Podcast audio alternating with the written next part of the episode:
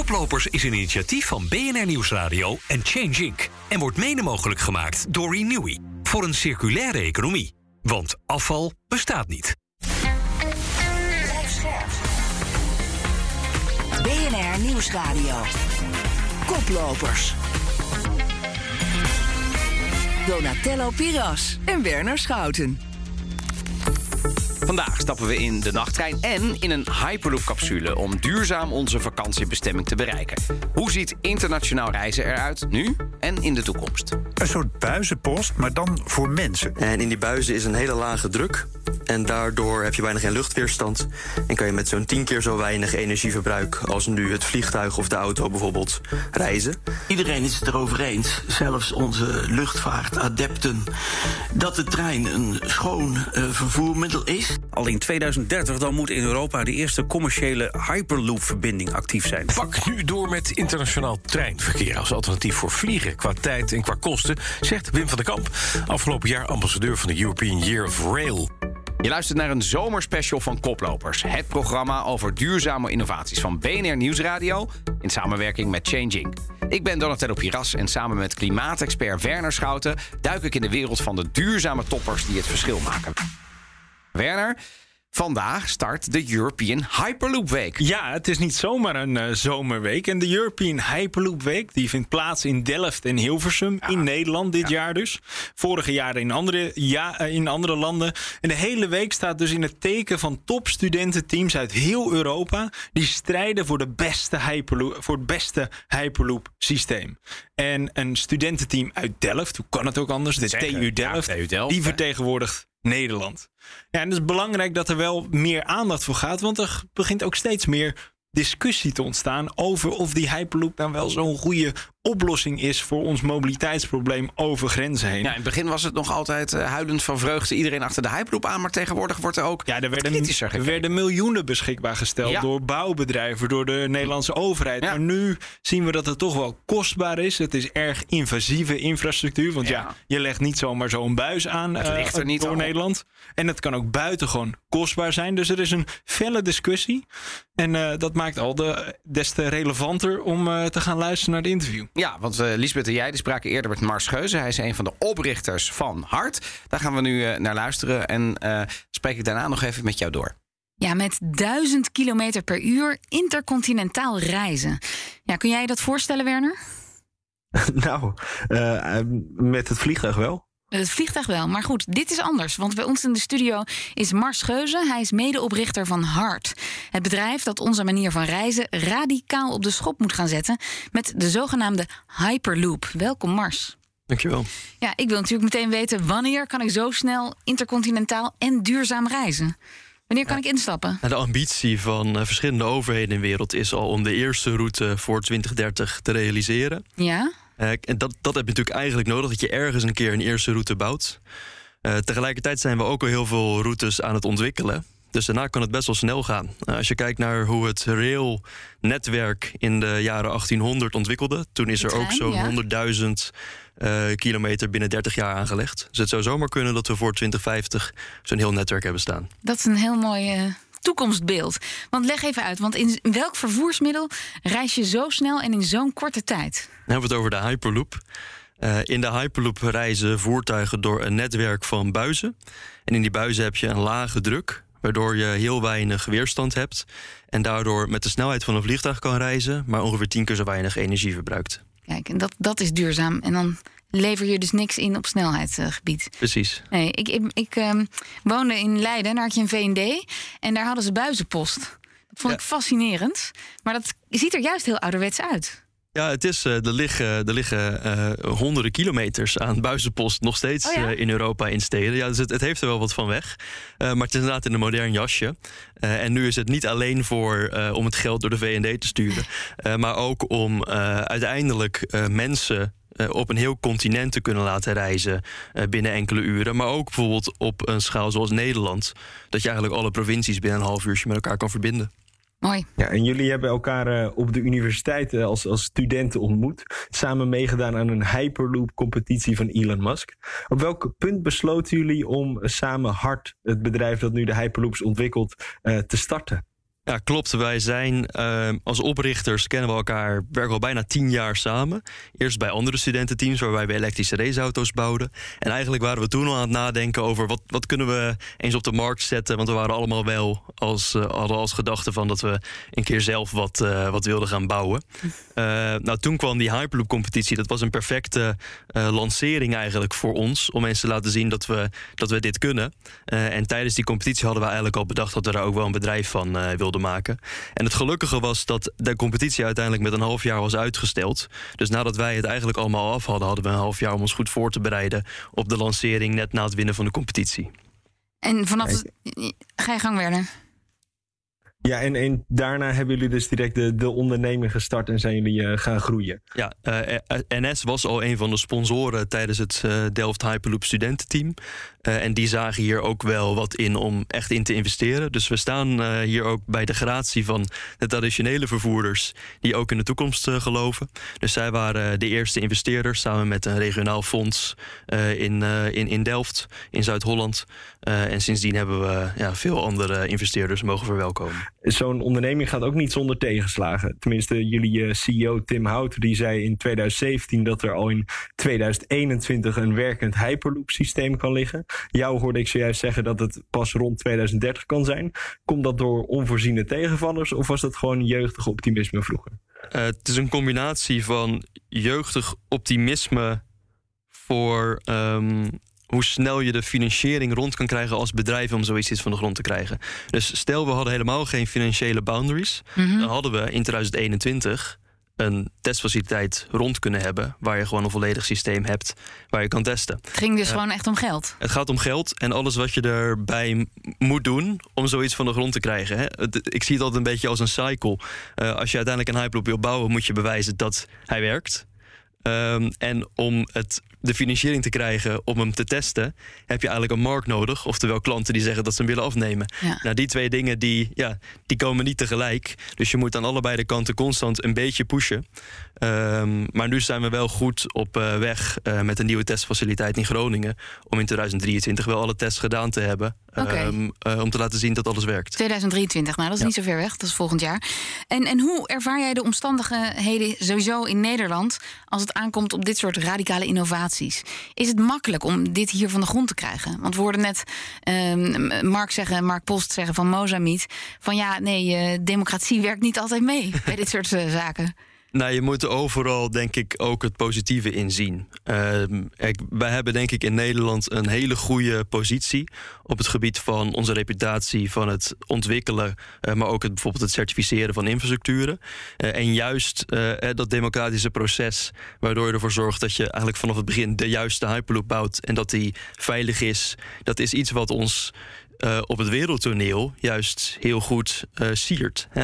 Een veilig alle- land. Dit is een, betrouwbaar systeem. Precies, Ja. dus als jij hier een Hyperloop hebt ontwikkeld, dan heb je ook de juiste basis voor een wereldwijde standaard. En dat zie je eigenlijk met alle klanten wereldwijd, waar je misschien verwacht dat je dit sneller van de grond zou krijgen, bijvoorbeeld in een woestijn.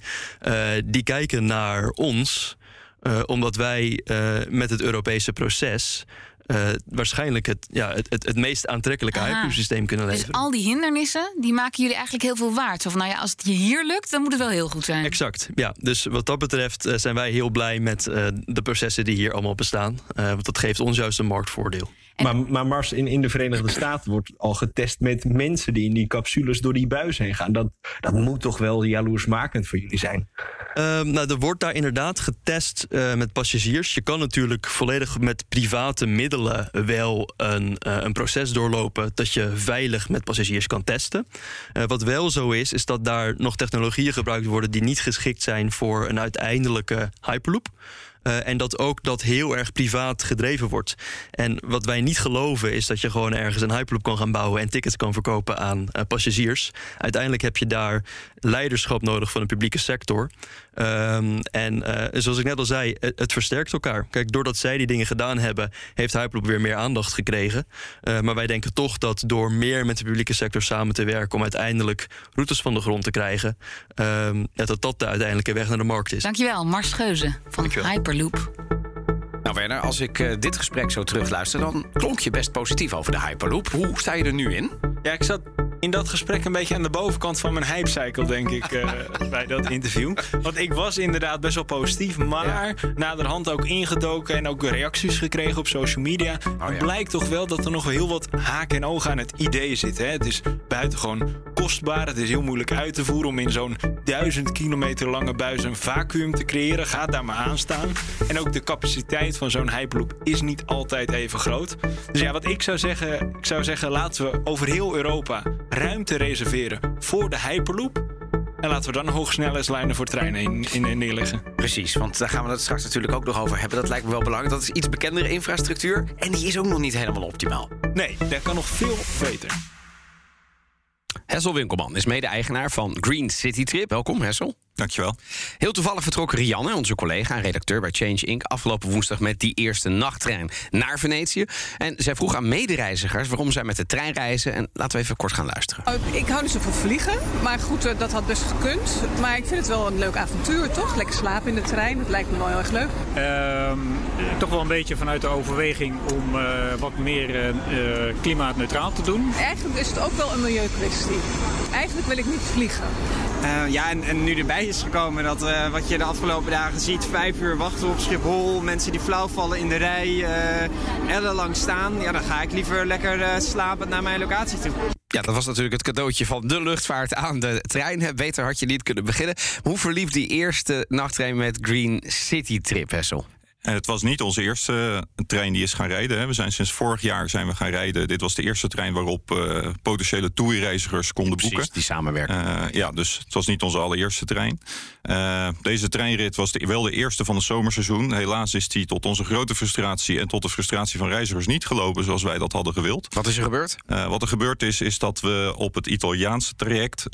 Moet ik even toelichten. Eh, helaas is een internationale trein laten rijden niet zo eenvoudig als we dat zouden willen. In ieder land waar je passeert heb je te maken met een lokale vervoerder die onze trein als het ware overneemt en rijdt. Ja. Eh, zo ook in Italië. En in Italië is dat operationeel eh, wel eens een uitdaging, zo nu ook. Er werd gestaakt door de vervoerder die Ah, daar ja. onze trein moest overnemen. Ja. Met als gevolg dat we niet verder kwamen dan het laatste grensstation van Oostenrijk, Steinach am Brenner. En we de reizigers het laatste gedeelte van het traject met bus moesten vervoeren. Eh, dat was al vervelend genoeg. Onder normale omstandigheden zouden die bussen er even lang over doen als onze trein. Omdat we door de Brennerpas met de trein, ja, dat gaat al niet zo heel snel. Helaas was het ook nog eens hemelvaartweekend en gebeurde er ongeluk op de snelweg. Dus die bussen deden er ook nog eens aanzienlijk langer over. Kortom, het was een stapeling van factoren dus. Een opstapeling van factoren en veel frustratie voor vooral voor de reizigers, maar ook voor ons. Want dit is natuurlijk niet eh, hoe wij dat eh, het liefste willen zien. Nee, laten we hopen dat in het vervolg natuurlijk een stuk beter gaat. En zoals je zegt, jullie zijn dus erg afhankelijk ook van de samenwerking met de Nationale Spoormaatschappij. Eh, we hadden net NS hier in de studio. Die zei van nou, wij proberen die internationale treinen zoveel mogelijk te faciliteren. Jullie moeten natuurlijk ook goed samenwerken met de NS. Hoe verloopt die samenwerking? Ervaren jullie die faciliterende rol van de NS? Eh, wij werken op geen enkel front met NS samen. Sterker nog, eh, we hebben een aanvraag gedaan bij NS of het mogelijk is om onze reizigers te faciliteren en ze vanuit ieder Nederlands station eh, naar Amsterdam en Utrecht te brengen, zodat ze daar kunnen overstappen op onze nachttrein. NS heeft daar een product voor wat zij voor hun eigen NS internationaal aanbieden voor een supplement van 9 euro.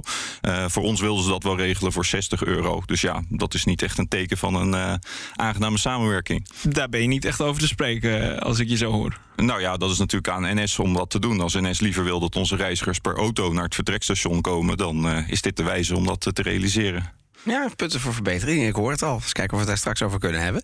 Ehm, in 2016 werd die stekker uit de laatste nachttrein vanuit Amsterdam getrokken. Dat is nog niet eens zo heel lang geleden. Nu starten jullie een nachttrein weer op. En de NOS, de collega's daar, die spreken zelfs van een heuse nachttrein-revival. Eh, en dat herken ik ook een beetje als journalist. Hè. Je hoort er steeds meer over. Hoe zijn die tijden veranderd? Dat je er nu wel brood in ziet als ondernemer. Want ja, je bent geen caritatieve instelling. Dat is, eh, dat is zeker waar. Eh, we zijn geen eh, goed doel. We proberen het op rendabele wijze te exploiteren. En dat is eigenlijk ook iets wat wij heel raar vinden dat als je kijkt naar bijvoorbeeld de treinen, de reguliere treinen die nu zijn gaan rijden naar Zurich en naar Wenen van uh, Nightjet. Eigenlijk zijn dat precies dezelfde treinen als hoe dat vijf jaar geleden is gestopt, hè, zoals je zegt. En nu is dat weer opgepakt vorig jaar. En datzelfde geldt voor onze treinen. Het is eigenlijk heel raar dat wij een gloednieuw treinconcept proberen te exploiteren met treinen die al tientallen jaren oud zijn, omdat er gewoon geen treinmaterieel is wat nieuwer is op dit moment. En dat is iets waar we echt aan moeten werken de komende jaren uh, om het product aantrekkelijk nog te maken dan dat het nu is. Maar is er in één keer, zijn er in één keer veel meer mensen geïnteresseerd in de trein? Want nog even geleden ging dus de laatste trein, ja. uh, nachttrein uit functie. Dus hoe kan het zo dat er nu in één keer er wel een verdienmodel is? Nou ja, het verdienmodel hangt er sterk van af hoe je het boekbaar maakt. Hè. Is het makkelijk voor reizigers om die trein te boeken? En wat is de bezettingsgraad van de trein? Kijk, onze trein is geen regulier openbaar vervoer, maar als het ware een chartertrein die naar verschillende bestemmingen rijdt. Inmiddels 14 verschillende bestemmingen. En wij gaan rijden op het moment dat we weten, of denken te weten, dat de vraag er is vanuit reizigers. Dus dat zag je, ondanks de operationele problemen helaas die we hadden op deze eerste rit, was die wel voor 99% volgeboekt met maar liefst 600 reizigers aan boord. En als je kijkt naar de gemiddelde bezetting van de hè, reguliere nachttreinen die nu rijden, ja, die is aanmerkelijk lager. Die zit rond de 30 procent. Ja. ja. wij vinden het niet rendabel om met half lege treinen te rijden. Je moet dat voldoen, zodat je ook de prijzen aantrekkelijk kunt houden voor reizigers. Want uiteindelijk is de reiziger die betaalt voor de plaatsen die leeg blijven. En hoe zit het dan? Hè? Want nogmaals, uh, ik praat met een ondernemer. Um, is, het, is het puur een, een marktverdienmodel? Uh, zitten er uh, fantastische Europese subsidies die erboven hangen, waardoor je denkt, nou, die, die, die eerste investeringen gaan eraf. Hoe, hoe ben je begonnen? Uh, wij zijn begonnen vanuit het oogpunt dat we al, uh, mijn compagnon en ik, sinds ons achttiende ondernemer zijn. Uh, met Flywise. Dat is een reisorganisatie die vliegreizen aanbiedt. Dat doen we nu nog steeds.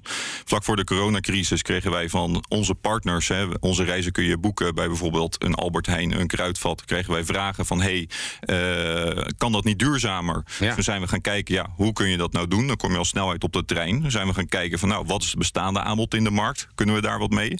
Conclusie was nee. En toen was de conclusie, ja, dan moeten we het zelf gaan doen. Dus toen zijn we gaan kijken hoe kunnen we dat zelf op zo'n manier optuigen dat wij denken dat het wel werkt. En een aantal factoren zijn ervoor van belang: prijs, comfort en gemak. Uh, ja. Van hoe kun je het boeken. En we hebben dus geheel zelf opgetuigd met een eigen boekingssysteem en een eigen trein die rijdt als het, als goed is, rijdt zoals wij willen. Nou ja, je ziet het, wij zijn afhankelijk ook van factoren. Uh, nou ja, zo proberen we dat te doen. Dus jullie hebben het helemaal opgebouwd. Maar dan toch even, je zegt net Green City Trip is dus onderdeel van Flywise. Waarmee jullie ook aantrekkelijke ja, city trips met het vliegtuig proberen aan te bieden. Trekken jullie dan met dat aanbod niet juist jullie eigen trein ook weer leeg? Nee, uh, te meer omdat wij vinden dat het uiteindelijk de consument is die hier de keuze moet maken. Wij vinden niet dat het aan ons is om te zeggen tegen de consument: foei, foei, je moet niet meer met het vliegtuig, je moet nu met de trein. Wij vinden dat het onze taak is om die trein zo aantrekkelijk te maken dat de consument een keer overweegt: goh, ik doe dat een keer in plaats van met het vliegtuig. Die keuze laten we bij de consument. En uiteindelijk is het natuurlijk ook zo: het eerlijke verhaal met een trein naar Ibiza, dat wordt toch lastig. Ja. Dus daar heb je toch een vliegtuig voor nodig. Maar tegelijkertijd, het, het, het, Ibiza ben ik helemaal met je eens. En al die eilanden in de Middellandse Zee zijn lastig per trein. Toch nog even qua mogelijkheden. Ik heb natuurlijk ook even gekeken. Ik wil bijvoorbeeld naar Verona. Ik heb nog niet heel veel mogelijkheden, Essel. Dat klopt. Gaat dat veranderen? Dat willen we graag veranderen. Uh, wat wij nu doen, hè, wij rijden nu onze trein naar 14 verschillende bestemmingen. Op ja. de eindbestemming blijft de trein staan totdat iedereen weer teruggaat. Ja. Uh, hij, in de tussentijd doet hij niks. In de tussentijd doet hij niks. Onze bemanning blijft ook daar. De trein wordt daar gereinigd en weer beladen voor de terugreis. Uh, in de toekomst willen we de frequenties opvoeren, zodat reizigers meer vertrekmogelijkheden hebben. En ook aan het einde van het jaar hopen we met een tweede trein te kunnen gaan rijden. We hebben nu één trein, hè. daarmee moeten we het hele netwerk bedienen. Tja. En dat hopen we aan het einde van het jaar te veranderen. En nog om terug te komen op je vraag over... Is er dan een hele grote pot subsidies waar je uit kunt putten? Is dat aan de horizon? Nee, we kregen geen enkele steun vanuit de Nederlandse overheid... of de Europese overheid op ja, ja, geen enkele wijze. Tot slot, hoe zorg je ervoor dat op korte afstand... die trein het gaat winnen van dat vliegtuig? Nou ja, wat daar toch voor nodig is, is nog meer dan wat we nu doen, uh, vinden wij. Uh, hoe wij het nu doen is, aldoende leert men. We beginnen ermee, kijken hoe reizigers reageren. En sommige aspecten kun je wat mee, de feedback die komt, en andere ook weer niet. Wat ik zeg, een nieuwe trein die heb je niet van vandaag op morgen. Dat duurt wat langer. Wat ook nodig is, is Europese synergie op het spoor. Ja. Dus uh, wat wij het liefste willen, is dat wij met één locomotief, dat kan wel, één locomotief van Nederland naar Italië. Maar dan moet je alsnog bij iedere grens een, eerst een Duitse conducteur, dan een Oostenrijkse conducteur, dan een Italiaanse, zo ook de machinist enzovoort. Dus er komt enorm veel bij kijken. Op het moment dat je dat platgooit en in één keer kunt doorrijden met hetzelfde personeel vanuit Nederland naar bijvoorbeeld Italië, ja, dan. eh, Wie bedenkt ja. zulke regels? Nou ja, dit, zijn, dit is dus precies eigenlijk wat niet is veranderd in 40 jaar tijd. Als je kijkt wat er op het gebied van luchtvaart is geëvalueerd in de afgelopen 40 jaar, is dat enorm. 40 jaar geleden had je bij wijze van spreken alleen de KLM. En nu heb je allerlei low-cost spelers. Die heb je niet in de treinwereld. En dat zorgt ervoor dat het eigenlijk nog gewoon een wat conservatief en niet erg functioneel systeem is. Precies, en wat mij betreft en wat Green City Trip betreft, staan we nu aan eh, ja, de geboorte van die evolutie, die ook op treinen zal moeten gaan plaatsvinden. Want we zullen meer met de trein moeten gaan reizen. En wat minder vliegen. Eh, vliegen wordt ook duurder. Dus naar Rato zal de trein aantrekkelijker worden. Dankjewel, Hessel Winkelman van Green City Trip. Ja, en misschien eh, tijdens het luisteren van dit gesprek ben je wel bezig met nadenken over hoe ga je naar je vakantiebestemming. Dat is er of per vliegtuig, eh, nou arme jij dit jaar, of per auto, ook druk. De trein zou natuurlijk ideaal zijn als het tenminste allemaal op elkaar zou aansluiten. Dat zou perfect zijn. Ik ga deze zomer zelf met de trein. Kijk, Hè, goeie dus, voorbeeld. Dus lange eh, rijen. Waar ga je naartoe? Ik ga naar Kopenhagen. Dat duurt wel een uur of elf. Hè? Allemaal door overstappen en, en dergelijke. en Moet dat, sneller kunnen. Dat zou veel sneller kunnen als de NS, maar ook de Deutsche Bahn in Duitsland. Als die regionale of nationale operators een beetje meer zouden samenwerken. En een beetje over hun eigen schaduw heen kunnen stappen. Ja. Maar dat gebeurt dus nog weinig. En dat is zonde, want er is wel ontzettend veel potentie. Door die drukte op Schiphol komen er ontzettend veel boekingen bij. Zo zetten in, waren er in juni 372.000 internationale tickets verkocht bij NS. Dat is zo'n 10% meer dan in 2019. Dus is echt potentie. Ja, en 10% is dus bijna 30.000 meer als we de absolute aantallen doen. Het zijn dus 30.000 tickets mensen die dus meer met die trein reizen. En het wordt, ik denk, door Schiphol dit jaar niet makkelijker gemaakt ehm, om met het vliegtuig te gaan. Dus er is, er is incentive en er is een kans. Maar dan moet er wel meer en beter worden samengewerkt. Dus ik hoop dat NS internationaal, maar met NS al die andere eh, nationale carriers... dat ook echt wel eh, serieus nemen. En misschien moet Europa wel iets doen hierin. Want anders zie ik het niet zo snel gebeuren. Op naar Timmermans. Dank voor het luisteren naar deze zomerspecial van Koplopers... over duurzaam reizen per trein en Hyperloop. Volgende week zijn we er weer en dan hebben we het over de wisselwerking... tussen jou als ondernemer en de biodiversiteit. Tot dan, en vond je dit nu een fijn programma om naar te luisteren... luister ons natuurlijk terug via de BNR of je favoriete podcast app. Maar belangrijker, Werner... Vanaf je vakantiebedje, geef ons alsjeblieft 5 sterren. Heel belangrijk, dankjewel. Koplopers is een initiatief van BNR Nieuwsradio en Change Inc. En wordt mede mogelijk gemaakt door Ebbingen. Ebbingen kent, verbindt en ontwikkelt de leiders van de toekomst.